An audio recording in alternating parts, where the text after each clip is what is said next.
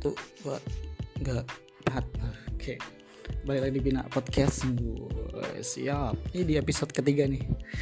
Dan ini di segmen eh bukan segmen sih di episode ini kita mau membahas tentang isu yang lagi hangat nih.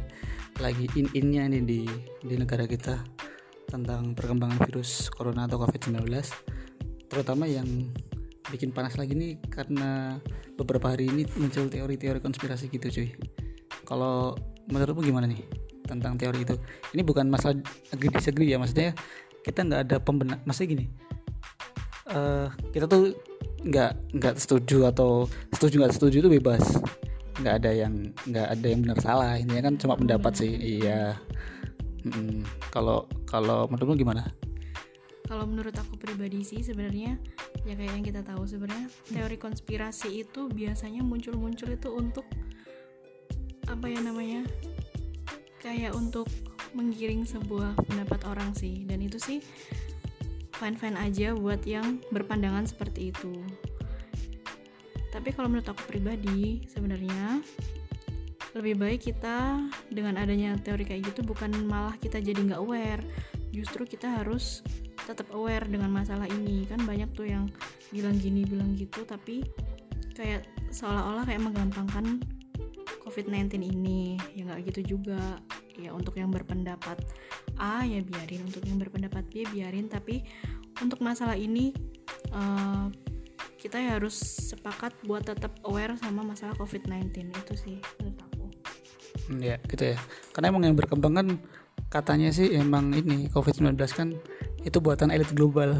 Entah itu elit global siapa gak tahu sih. Iya yeah, gitu katanya buatan elit global dan dan ya sedikit banyak sih emang membuat beberapa orang jadi nggak aware dan beberapa orang makin aware sih. Kan balik lagi ke di apa agree disagree ya di sini ya. Kalau menurutku pribadi sih karena aku orang yang nggak suka dengan teori teori konspirasi terutama. Jadi gini uh, ada dua alasan kenapa nggak mau nggak mau berbicara lebih jauh tentang teori konspirasi. Pertama adalah aku pribadi itu belum bisa mendewasakan tentang satu hal. Maksudnya gini teori konspirasi itu kan teori yang menggiring opini kita ya. Hmm. opini orang menggiring menggiring kita untuk ya, untuk iya untuk iya untuk menyetujui itu ataupun enggak gitu kan. Agree disagree kan. Nah sedangkan aku tuh belum bisa dewasa tentang menyikapi itu. Takutku adalah aku bakal ngikutin dia atau nggak ngikutin dia tapi dengan tanpa alasan gitu. Atau dengan alasan yang dia buat. Sedangkan aku nggak punya alasan nah itu itu dari aku ya. Terus yang kedua alasan kedua adalah karena aku punya anxiety disorder aku menghindari hal-hal yang membuat aku pusing. Jadi mendingan ya udah ya udah seperti kayak gini lah. Patokan cuma satu pemerintah yaudah udah pengen apa yaudah aku ngikut. Entah ntar kejadian gimana ya pokoknya aku ngikut deh kayak gitu. Nggak mau pusing aja kayak gitu. Cuma menyikapi teori itu ya baik lagi karena aku nggak begitu suka dengan teori ya aku lebih berpegang pada tenaga medis sih. Entah mereka yang ngomong misalkan tenaga medis ngomong A ya aku bakal patuh ke itu. Menurutku sekarang kayak gitu. Iya sih. Nah teori konspirasi juga itu jangan sampai malah justru membahayakan orang lain. Misalnya misalnya nih kita percaya teori konspirasi. Aku bukannya nggak membolehkan orang percaya teori itu sih. Cuman menurutku kalaupun misalnya kita percaya sama teori itu jangan sampailah kita malah merugikan orang lain. Dengan ngomong yang misalnya ah covid ini sebenarnya tuh nggak ada ya, ya udahlah kita santai aja, oh, santai aja nggak perlu nggak perlu aware sama kasus ini ntar juga bakal hilang sendiri. Tapi loh kita itu siapa? Kita nggak tahu di lapangannya gimana. Jadi kita mendingan nurut aja sama tenaga medis yang emang dia itu benar-benar ngadepin gitu. Kayak yang, yang kita tahu sendiri kan setiap hari tenaga medis aja ada yang tumbang satu persatu. Masa sih kita yang kita nggak nggak apa namanya bukan nggak takut sih kita nggak aware gitu loh. Itu jangan sampai yang kayak gitu-gitu malah membahayakan orang yang melindungi kita gitu aja sih. Oh itu hmm, sedikit pendapat dari kita sih sebenarnya. Nah di episode ini sebenarnya kita nggak mau bahas tentang teori itu sebenarnya tapi membahas tentang gimana langkah ke depan untuk menghadapi covid ini. Karena kan uh, perubahan kan terus gitu loh. Maksudnya kayak dulu misalkan dari awal katanya virus ini dari animal to human. Ternyata akhirnya dari human to human. Berubah tuh. Terus kata yang pakai masker hanya orang yang sakit. Sekarang orang harus pakai masker. Jangan semua berubah kayak gitu kan. Nah eh, menurutmu tuh sebagai orang yang juga di apa ya istilahnya bergelut di bidang medis bukan medis sih di kesehatan lah. Kayak gitu menyikapi virus ini yang maksudnya di sekarang loh periode ini tuh gimana? Ya. Kita harus gimana gitu? Sebenarnya emang kalau perkembangan sih harus harus ada sih. Nggak mungkin kita nggak menghadapi perkembangan dan perubahan. Karena waktu pertama muncul pastinya kan belum banyak kejadian yang dikumpulkan belum banyak apa ya riset-risetnya dan Iya. belum banyak ya ya dulu ya taunya emang cuma dari hewan ke hewan aja. Tapi buktinya terjadi ke manusia. Jadinya ya mungkin dengan kayak gitu ya harus ada penelitian yang lebih lanjut lagi sih. Makanya itu yang dulunya nggak pakai masker harus jadi pakai masker semua. Dan dulu kan emang kita tuh pakai masker yang efektif cuma itu doang kan. Surgical masker dulu Ya, bilangnya kayak gitu iya. kan. Tapi setelah dilakukan penelitian ternyata ada tuh penelitian dari Cambridge kalau nggak salah itu ada jurnalnya juga dan neliti ternyata masker yang berbahan katun juga sebenarnya efektif. Jadinya ya ya udah selama itu bisa melindungi kita why not? Dan perkembangan itu ya harus kita ikuti biar kita bisa terlindungi sih gitu. Ya itu kalau masalah yang masker itu kan pernah aku pernah lihat di ini loh di live nya si Bilva sama dokter Tirta. Bilva kan pernah bilang kalau emang sebenarnya yang dari bahan katun tuh juga efektif juga buat mengurangi ini kan apa namanya per, per apa sih namanya penyebaran. Nah kayak gitu. Cuma ya ya walaupun emang emang kalau yang paling ampuh emang dari sargen ya. Iya ya tapi kan itu ada Nah itu kan maksudnya kayak gitu. Terus ini sih kalau sebenarnya aku ada ada hal yang setuju kemarin. Dari ini balik lagi ke teori konspirasi ya. Ada satu hal yang aku agak setuju sih. Ya ya nggak nggak nggak sepenuhnya setuju sih maksudnya gini.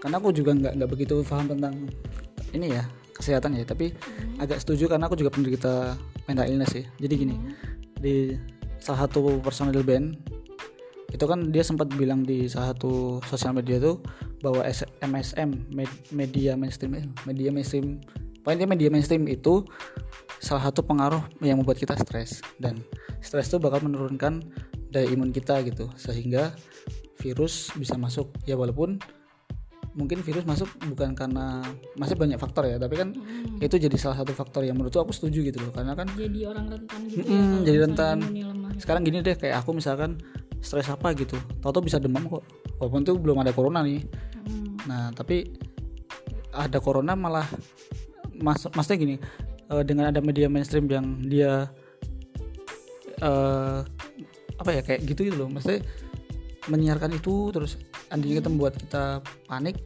malah membuat ini sistem imunnya menurun kayak gitu Nah, sebenarnya itu benar. Kalau misalnya kita nggak bisa memanajemen stres, justru berita-berita yang ada di media justru malah makin membuat kita stres dan nurunin imun. Cara yang tepatnya adalah kita tuh nggak bisa menghindari media 100% tuh nggak bisa Iya sih. karena kita juga harus butuh informasi. perkembangan juga ya Jadi cara bijaknya adalah kita memilah-milah sendiri tuh informasi yang baik buat buat kita. Contohnya misalnya kita nyari nyari tahu sih gimana gimana cara pelindungannya, gimana cara pencegahannya, gimana cara yang aman pakai masker gimana atau pokoknya cara-cara agar kita terhindar dari si COVID-19 itu.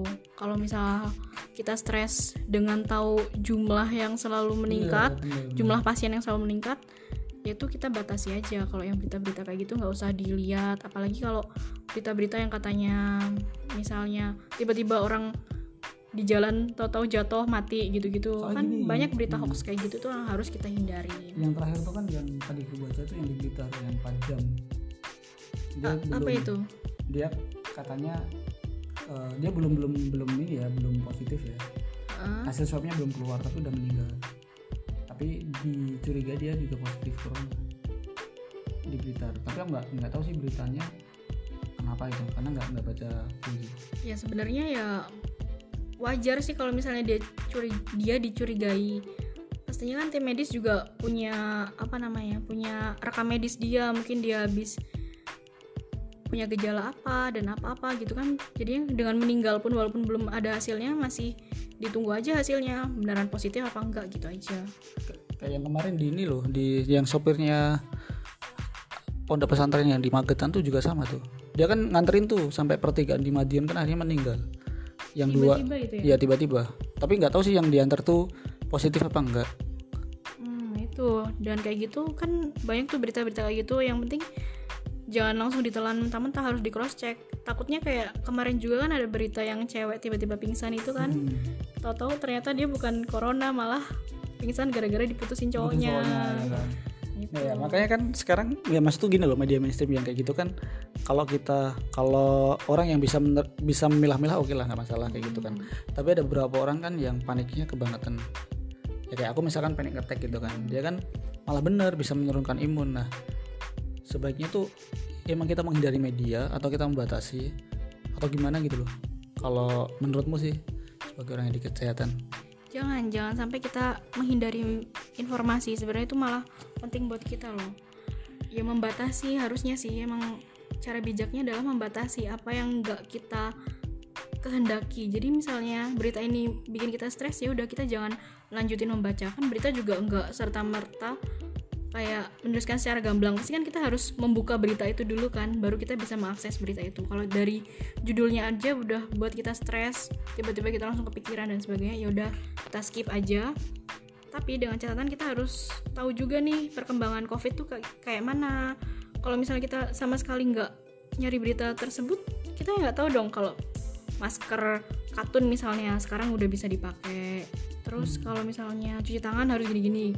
Kan kita nggak nggak tahu kan kita sendiri yang rugi.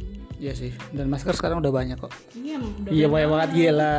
Wahai penimbun-penimbun, wah, Anda rugi. jadi PR banget nih buat penimbun masker. Mau diapain tuh masker-masker yang udah ditimbunnya? Mau di sayur apa mau di apa tuh Nah tapi gini loh, kan kita kan kalau bilang media mainstream ya, kita kan nggak bilang cuma televisi. Oke lah televisi juga salah satu media mainstream yang kita miliki gitu. Apalagi pemerintah di TV pemerintah maksudnya maksudnya TV pemerintah atau lokal atau swasta itu emang menyiarkan tentang corona gitu kan. Kita bisa lah menghindari itu. Apalagi kalau misalkan kayak aku juga orang yang tipikal nggak suka nonton TV. nonton TV kalau ada bola doang maksudnya kan ada ya orang tipikal kayak gitu kan cuma kan kita nggak mungkin nggak ter- ketergantungan dengan sosmed nah dan sosmed itu menurutku 80% isinya itu semua. Ya walaupun sekarang mungkin dari generasi kita kan ah stres lah ya wes. Akhirnya mereka ngupload kayak yang apa yang lucu-lucu kah apakah. Tapi tetap ada kok yang dikit-dikit tentang tentang corona juga. Nah itu gimana kalau misalkan? Kalau di TV mungkin kita masih bisa menghindari deh. Tapi kalau di sosmed? Nah, kita kan nggak bisa tuh mengendalikan ribuan orang yang mengupload kayak gitu kan. Tapi kita bisa tuh mengendalikan diri sendiri. Jadi cara terbaiknya adalah mengendalikan diri sendiri dengan cara manajemen stres. Misalnya kita bisa apa namanya menghindari stres itu. iya Ah, malah ada suara pengganggu dia. Nah, kita manajemen stresnya itu dengan melakukan kegiatan-kegiatan yang kita sukain. Jadi kalau misalnya kita mulai kan kita sendiri yang tahu diri diri sendiri kan. Misalnya kita udah stres sama berita-berita kayak gitu, ya udah kita lakuin aja kegiatan-kegiatan yang kita sukai atau misalnya kita mengalihkan perhatian kita dari pemberitaan itu gitu loh. Jadi kita nggak stres. Itulah manajemen diri sendiri lah. Karena kita nggak mungkin mengendalikan ribuan berita dan ribuan orang di media sosial, tapi kita bisa mengendalikan diri sendiri itu sih. Oke, kalau ya itu ming- mungkin sebagian ini ya, sebagian cara ya buat biar kita nggak terhindar dari stres ya.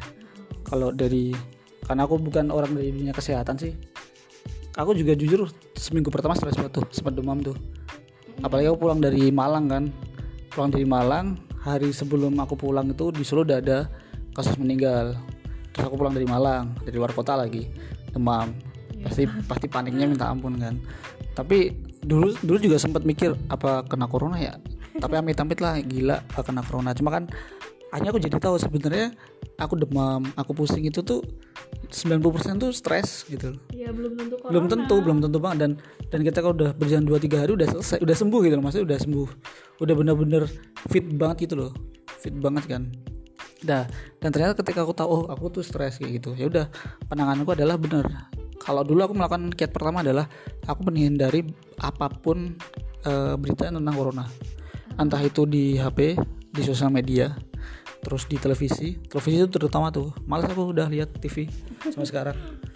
Kalau nggak jelas mendingan sampai akhirnya aku mendingan lihat ini deh acara-acara yang mungkin dulu nggak begitu suka gitu loh ya aku lihat. Terus yang kedua membatasi sosmed ya, terutama di Instagram kan. Kalau misalkan cuma di status kan masih masih bisa lah. Tapi kalau di Instagram kan ada tayangannya ada captionnya mau nggak mau kita baca kan. Dan itu ya. Mm-mm. dan itu kan kebenarannya juga belum bisa dipertanggungjawabkan kan. Makanya itu aku batasin. Terus yang ketiga adalah aku mencoba ini buat teman-teman juga ya. Kalau aku misalkan ada yang misalnya teman-temanku ini yang dengar podcast aku menghidden semua story. Entah itu story yang baik apa enggak. Karena dari misalkan dari 100 kontak nama itu ya pasti ada satu dua orang yang story tentang corona. Dan kita kan nggak bisa ya. dan aku hidden. Dan itu kan bisa aja random gitu loh. Misalkan nih oh yang yang selalu bikin story si A. Belum tentu si A bis- besok bikin. Kan bisa aja si C. Makanya udah aku hidden semua. Kayak gitu sih. Jadi lebih ke membatasi sih. Kayak membatasi informasi ke aku. Tapi bukan berarti kayak misalkan aku nggak aware ya tetap aware. Kayak misalkan harus pakai masker sekarang ya udah aku aware pakai masker kayak gitu. Cuma untuk berita tak batasin. Terus yang kedua adalah aku mencoba seneng seneng lah dengan diriku sendiri. Maksudnya gini hal yang belum pernah aku kerjain dulu di rumah ya terutama tuh kerjain. Nah, kayak misalkan gini dulu kan karena keseringan kerja di proyek belum pulang rumah jarang. Kan dulu punya nih kayak impian-impian bukan impian sih kayak ini aku kalau misalkan balik ke rumah pengen kayak gini nih. Hmm, nah karena wacana-wacana. yang belum terrealisasikan kan. Makanya ketika kayak gini ya udah aku kerjain aja. Itu biar nggak stres sih. Ya walaupun tetap sekarang kita sebulan di rumah tetap stres stres cuma kan mungkin tingkatannya nggak nggak yang separah satu dua hari pertama lah. Kalau itu gitu sih. Iya bener banget. Nah itu juga setiap orang punya caranya masing-masing. Ya bener banget kalau misalnya kamu tuh ngehidden orang-orang. Kalau itu emang caramu buat apa namanya buat memanajemen stres kamu ya nggak apa-apa. Itu emang baik. Dan ada cara lainnya juga misalnya kayak tiba-tiba jadi punya kesibukan baru, punya Iya. kesenangan baru itu juga bisa dijadikan sebagai manajemen stres yang baik juga sih. Jadi kita nggak sepaneng mikirin covid terus iya jadi kita di rumah juga tetap bisa happy, bisa masak, bisa main game, bisa nonton, bisa ngerjain kerjaan kita dengan seneng, bisa istirahat cukup, bisa dengerin musik, pokoknya banyak lah cara yang kita pakai buat manajemen stres kita biar kitanya juga happy ngejalanin ini. Iya betul. Ya udah itu dari beberapa apa ya beberapa ulasan dari kami intinya untuk menghadapi virus ini kan sebenarnya kita nggak tahu emang kita nggak tahu sih bakal berakhirnya kapan. Ya itu yang masih jadi Iya itu pertanyaan sekarang kan cuma kan bukan berarti kita menyerah buat ah udahlah pasrah aja ya jangan gitu. Menurutku sem- semua yang dimulai itu pasti ada ending kok iya. Kalau nggak ada ending tersanjung nggak kelar-kelar aja. tersanjung tuh sampai 6 ya tapi jangan sampai corona sampai 6 sih Minimal Minimal satu- aja ada season Ramadan ya, corona Iya, season Ramadan. Ramadan, ya jalanin udah. ya barangkali season Ramadan doang Iya. Ramadan udah selesai gitu kan doanya kan kayak gitu.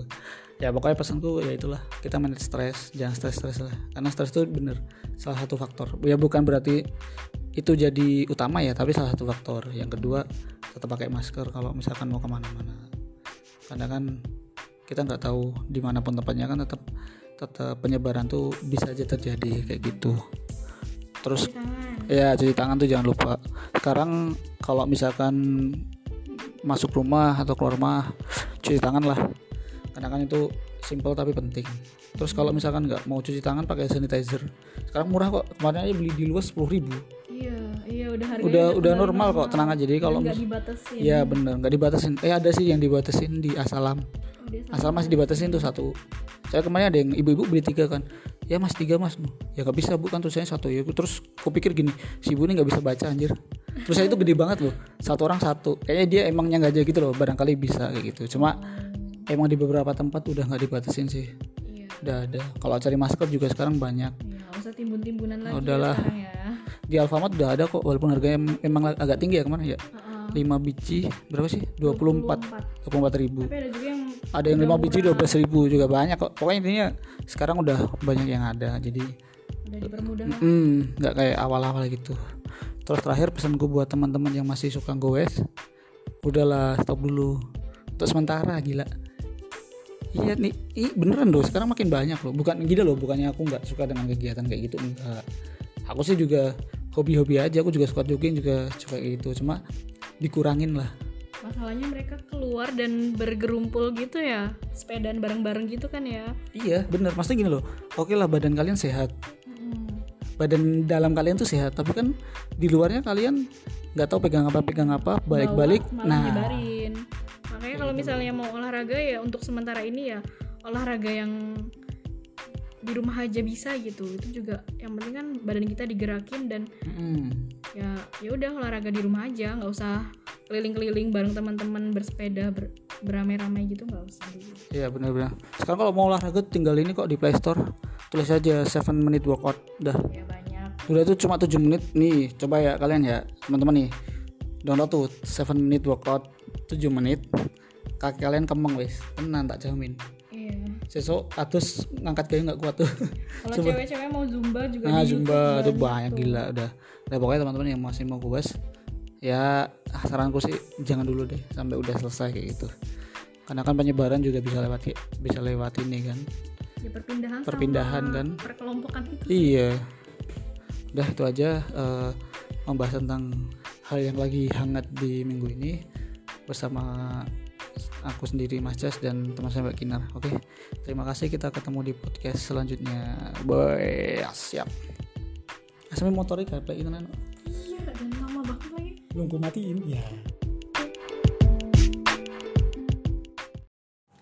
topi apaan? tapi tersayang. Topi tersanjung. Iya tapi ya tersanjung. berarti segmen selanjutnya ini ya. Topi tersanjung ya. Siap